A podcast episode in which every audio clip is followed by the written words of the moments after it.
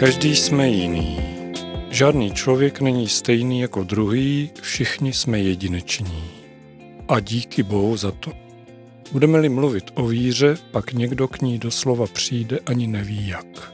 Ježíše přijme úplně přirozeně, jako by se věřícím narodil. Jsou však mezi námi lidé, kteří mají silnou touhu uvěřit, ale nějak jim to nejde. O křesťanství možná vědí všechno, Bibli mají přečtenou od předu do zadu i na zpátek, avšak víra v Boha k ním nepřichází. Existují snad nějaké podmínky pro přijetí víry a oni je třeba nesplňují? Pojďme se nad tím spolu zamyslet v dalším dílu podcastu Biblická jména a úsloví. Od mikrofonu vás zdraví a ničím nerušený poslech přeje Petr Lindner.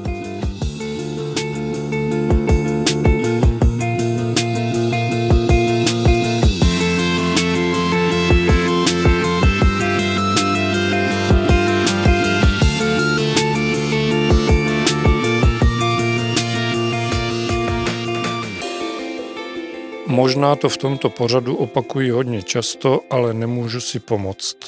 Bůh, který člověka stvořil, mu dal svobodu.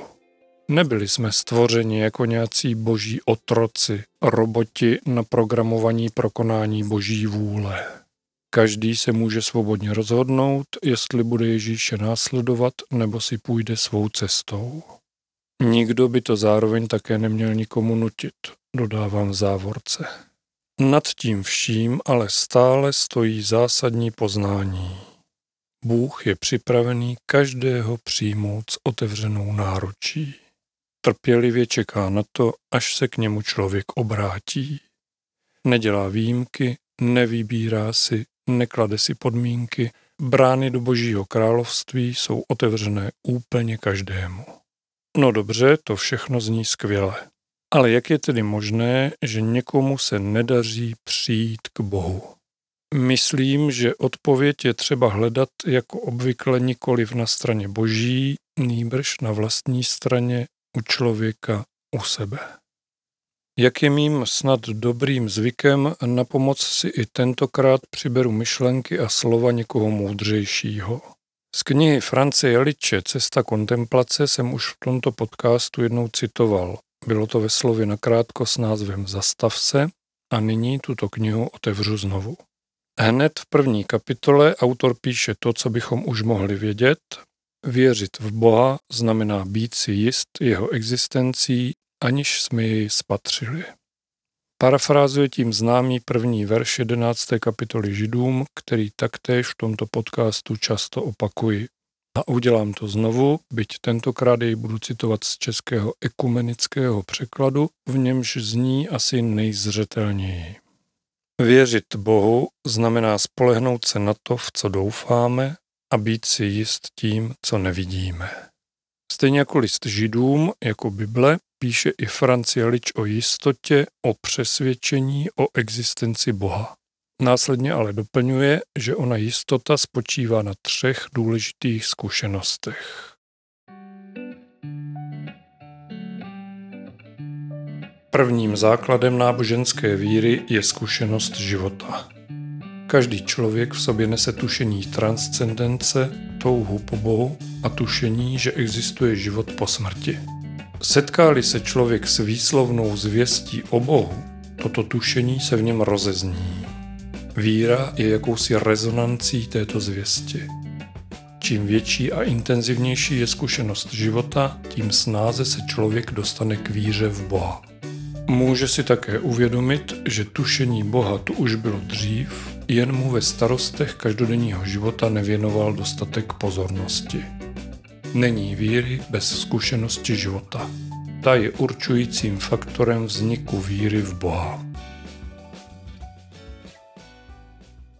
Není víry bez zkušenosti života. Jenomže já jsem na začátku řekl, že někdo k víře přijde tak přirozeně, jako by se s ní narodil. Neodporuje to slovům France Jaliče? Nemyslím si. Jednak jsou má slova trochu nadsázkou a jednak ono tušení transcendence jednoduše bez jeho prožití jaksi nemůže vzniknout. Stejně jako mnozí lidé přišli k víře přes zkušenost bolesti, dostali jiní víru skrze radost. Bylo by nesmyslné porovnávat, která cesta je lepší či horší, nicméně právě ta radostná se mi s obrazným narozením do víry tak nějak přirozeně spojuje. Francia Lič zde ale také píše o tušení Boha zastřeném starostmi každodenního života. Právě o tom jsem mluvil ve zmiňované epizodě slovo nakrátko Zastav se. Bůh se nám dává poznat v klidu, v zastavení se, v usebrání. Hledat ho v dopravní zácpě s telefonem u ucha nebo na sociálních sítích určitě není nejlepší cesta. Tak jako tak, zkušenost života je prvním, promiňte mi to slovo, ale jiné mě nenapadá, předpokladem k víře. Nyní pojďme dál ke zbývajícím dvěma zkušenostem, kterými Francia Lič opět poněkud nepřesně řečeno podmiňuje jistotu víry. Takže za druhé. Někdy v životě se člověk setká se zprávou o božím zjevení.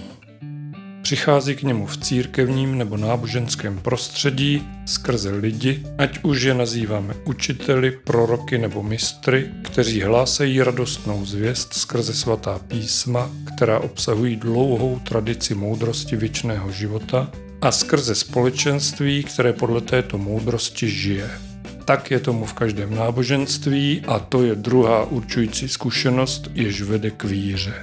Podíl zkušenosti na tomto procesu spočívá v tom, že člověk tyto tři zdroje, učitele, svatá písma a společenství, vnímá jako natolik autentické a věrohodné, že je možno na nich postavit jeho víru. Na tomto místě jsem původně chtěl s autorem lehce polemizovat nebo spíš doplnit či rozšířit jím uvedené zdroje, ale když tak nad tím přemýšlím, raději se budu držet zpátky. Zhrnutí zdrojů na učitele, svatá písma a společenství je skutečně výstižné. Podstatné je, že Francia Lič ve svém druhém bodu píše o poznání Boha. První verš 11. kapitoly listu Židům sice mluví o jistotě víry v to, co nevidíme, nicméně považuji za důležité uvědomit si, že víra a poznání nejdou proti sobě. Je to přesně naopak. Bez poznání toho, v co věřím, by víra byla slepá. A jak víme, slepá víra může vést až k fanatismu. A že by pán Bůh chtěl mít ze svých věřících fanatiky, to jsem vážně nikde neslyšel. Mimochodem, známý psychiatr Carl Gustav Jung údajně prohlásil, fanatismus je vždy příznakem potlačené pochybnosti. My zde sice stále mluvíme o jistotě víry, nicméně pochybnosti k ní nedílně patří. Ale to je námět spíše na jiný díl podcastu, takže pojďme pokračovat v našem tématu. A znovu se vrátím na začátek, kde jsem o lidech svou víru hledajících, ale nenalézajících také řekl, že o křesťanství možná vědí všechno a Bibli mají přečtenou od předu dozadu i na zpátek. Zřejmě se tedy Boha snaží poznat, to jim asi nelze upřít. Jenže poznání Boha není vědní obor, tedy není může být. Teologii lze samozřejmě studovat a to tak, že velmi odborně. Já osobně si dobrých teologů velmi vážím a někdy jim jejich znalosti nekřesťansky trochu závidím. Ale jen na okraj někteří v tomto oboru velmi vzdělaní lidé říkají, že po absolvování studia teologie je občas zázrak víru v Boha nestratit. Říkají to sice obvykle s úsměvem na rtech, ale kus pravdy v tom asi bude. Každopádně, abychom měli jasno, já zde mluvím o poznání Boha, nikoliv o hledání důkazů o jeho existenci. To je velký rozdíl. Upřímně řečeno, trochu si myslím, že lidé, o nichž je řeč, tedy ti, kteří svou víru urputně hledají, avšak nenalézají, možná nechtěně nebo podvědomně usilují spíše o to druhé. Poznání je však něco jiného. Když se muž zamiluje do ženy nebo žena do muže, něco je k sobě táhne, i když se alespoň na začátku vztahu mnohdy skoro neznají. Avšak postupně, jak jsou spolu více a více, jeden druhého poznávají. Se vzájemným poznáním v nich také roste důvěra ve svého partnera. Svěřují si své nejintimnější myšlenky, pocity, city a věří, že ten druhý jejich důvěru nesklame či snad dokonce nezneužije. Vědí, že se o toho druhého můžou opřít, když jim nebude do skoku a stojí při něm, pokud se zrovna nevede dobře jemu. Sdílí spolu své radosti i strasti. Ano, mluvím o lásce. A Bůh je láska, kterou bych každému z celého srdce přál nejvíc.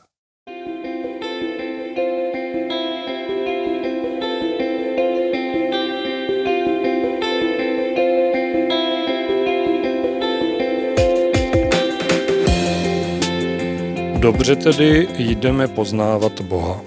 Jak ale na to?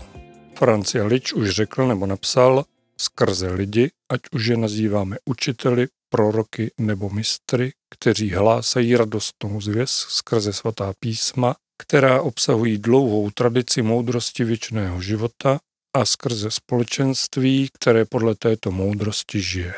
Pro mě je základním kamenem Bible. Ta obsahuje zvěst obou ale Bible se člověku, abych tak řekl, nepoučenému dost špatně čte. Abychom ji rozuměli, je potřeba o nich učitelů, proroků nebo mistrů, kteří nám ji srozumitelně vyloží. V dnešní době jsou to kazatelé, faráři, pastoři a spousta dalších lidí. Kromě toho máme celé hromady knih, internet, YouTube, stačí si jen vybírat. Popravdě tedy občas i trochu přebírat zrní od plev. Nicméně nemůžu nevzpomenout také třeba kurzy alfa, které zrovna v době, kdy vydávám tento díl podcastu, probíhají nejen v celém Česku, ale možná na celém světě. No a musím si sebestředně přihřát taky vlastní polívčičku, i jak tiše doufám, snad vám k poznávání Boha alespoň trochu slouží i tento podcast.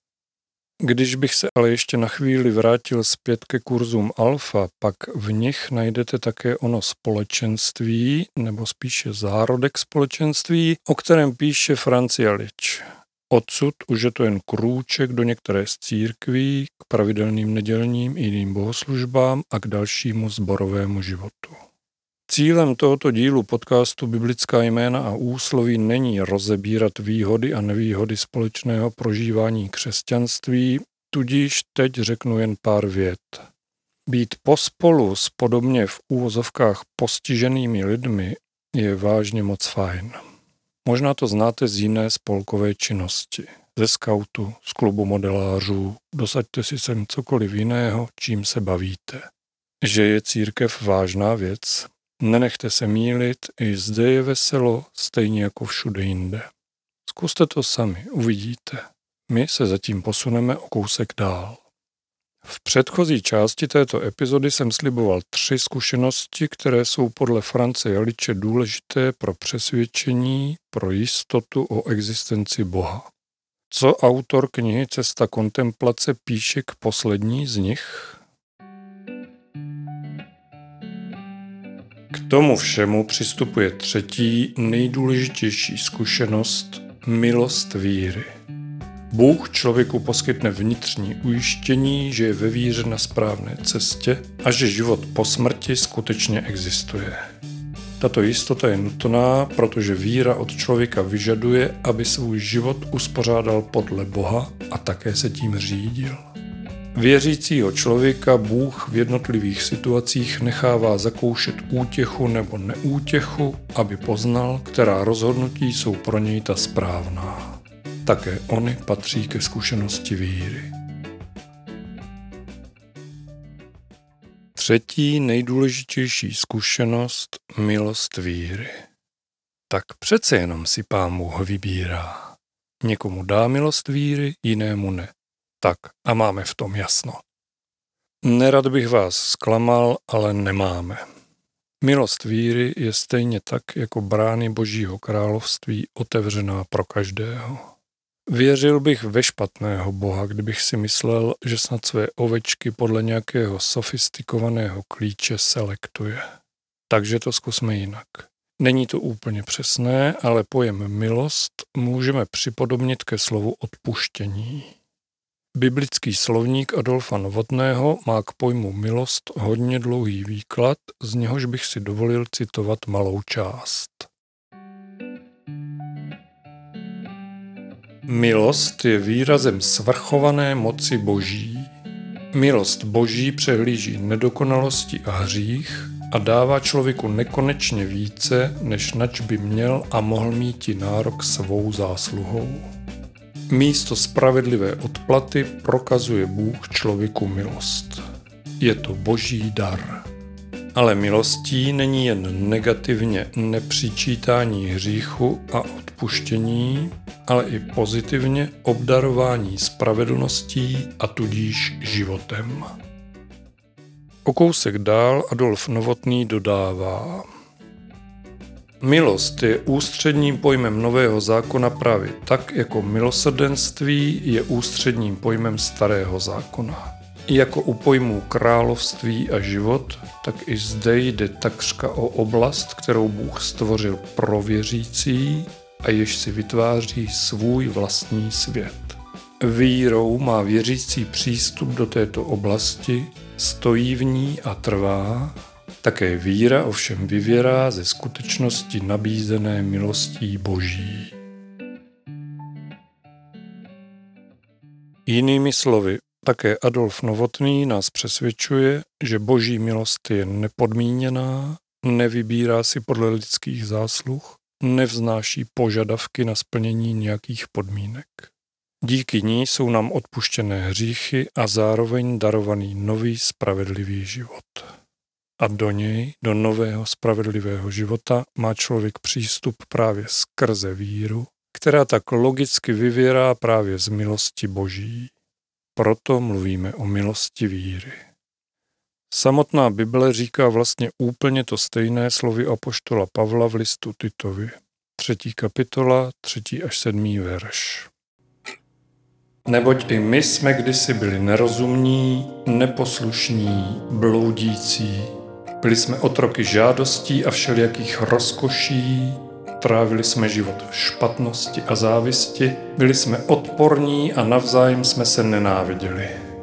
Když se však zjevila dobrota a lidumilnost Boha, našeho zachránce, zachránil nás ne na základě skutků, které jsme mi učinili ve spravedlnosti, nejbrž podle svého milosrdenství skrze koupel znovuzrození a obnovu Ducha Svatého, kterého na nás vylil hojně skrze Ježíše Krista, našeho zachránce, abychom se ospravedlnění jeho milostí stali dědici v naději života věčného.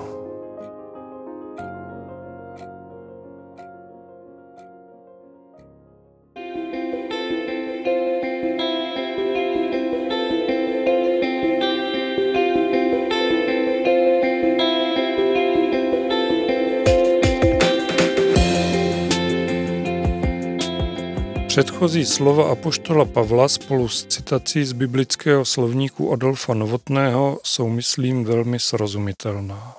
Stále nám však nedávají odpověď na otázku, proč k některým lidem svou víru hledajícím ona milost víry nepřichází.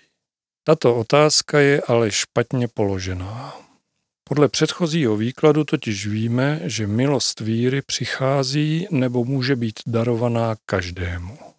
Tudíž, jak už jsem v tomto dílu jednou řekl, problém není v Bohu, ale v příjemci tohoto daru v člověku. Je to jen můj názor, byť tedy také podložený zkušenostmi života, o kterých píše Francialič, nicméně můžete i nemusíte s ním souznít. Jsem skoro na beton přesvědčený, že neschopnost přijmout dar víry, milost víry, z velké části pramení z neodpuštění sobě samým. Ve třináctém verši třetí kapitoly listu Koloským můžeme číst. Snášejte se navzájem a odpouštějte si, máli kdo něco proti druhému. Jako pán odpustil vám, odpustte i vy.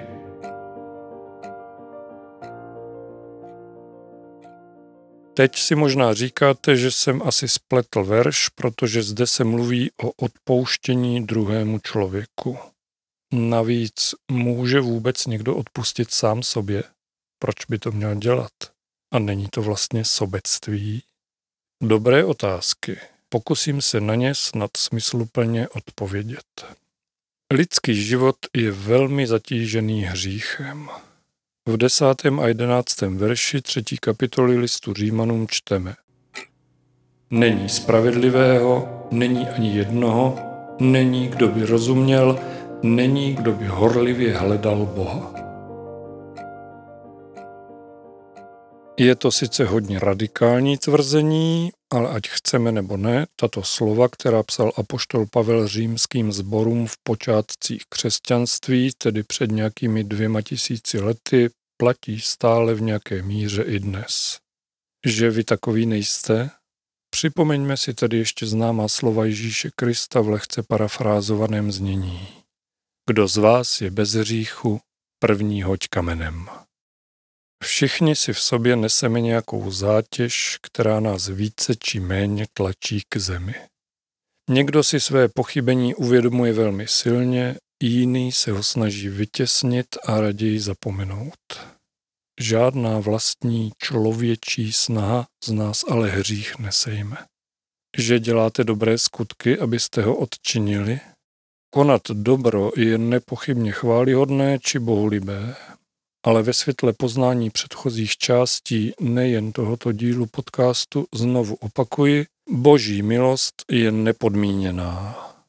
Klíčové slovo je tedy opravdu odpuštění. Jako pán odpustil vám, odpustíte i vy, zaznělo v předchozí citaci z listu Koloským. Odpouštějte jiným, ale nejprve, jako pán odpustil vám, odpustte sami sobě. Dovoluji si k tomu dodat já. Když se jeden z farizejů ptá Ježíše, učiteli, které přikázání je v zákoně největší, ten mu odpovídá známými slovy. Miluj Pána svého Boha celým svým srdcem, celou svou duší a celou svou myslí. To je největší a první přikázání. Druhé je mu podobné. Miluj svého bližního jako sebe samého. Miluj svého bližního jako sebe samého. Ježíš neříká, abychom milovali pouze svého bližního, nýbrž abychom ho milovali i jako sebe samého. Nebudeme-li milovat sami sebe a tedy i odpouštět sami sobě, nemůžeme ani milovat druhé. Skutečně to nemá nic společného se sobectvím. Odpustit sám sobě znamená přijmout milost, kterou jsem dostal od Boha. Přijmout ji a zachovat se stejně sám vůči sobě. Přijmout sám sebe. Jako lidé žijeme mezi jinými lidmi, nejvíc ale žijeme sami se sebou. Nejvíc v uvozovkách vidíme sami do sebe. Nikdo s výjimkou Pána Boha nevidí naše hříchy tak, jako je vidíme, nebo možná přesněji tak, jako je známe, jak o nich víme my sami. Pán Bůh už nám odpustil. Teď je řada na nás.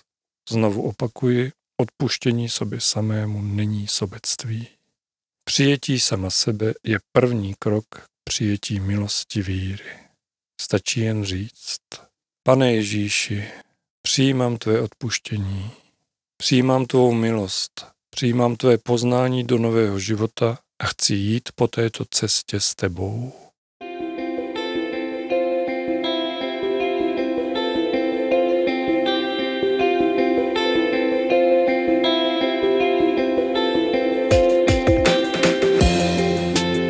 Ježíš na kříži prožil všechno naši bolest, aby ji třetího dne z nás všech sněl.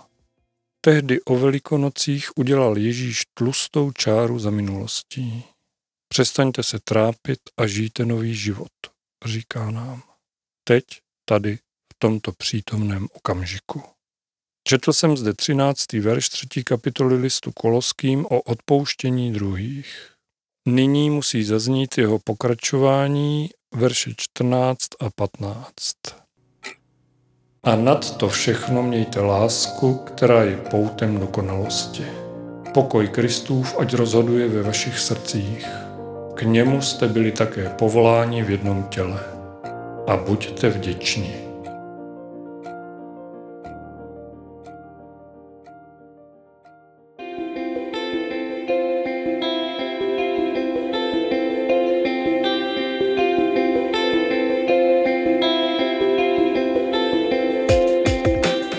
Mějte lásku a buďte vděční. Tato slova v sobě skrývají všechno. Netrapte se se svými starými prohřešky.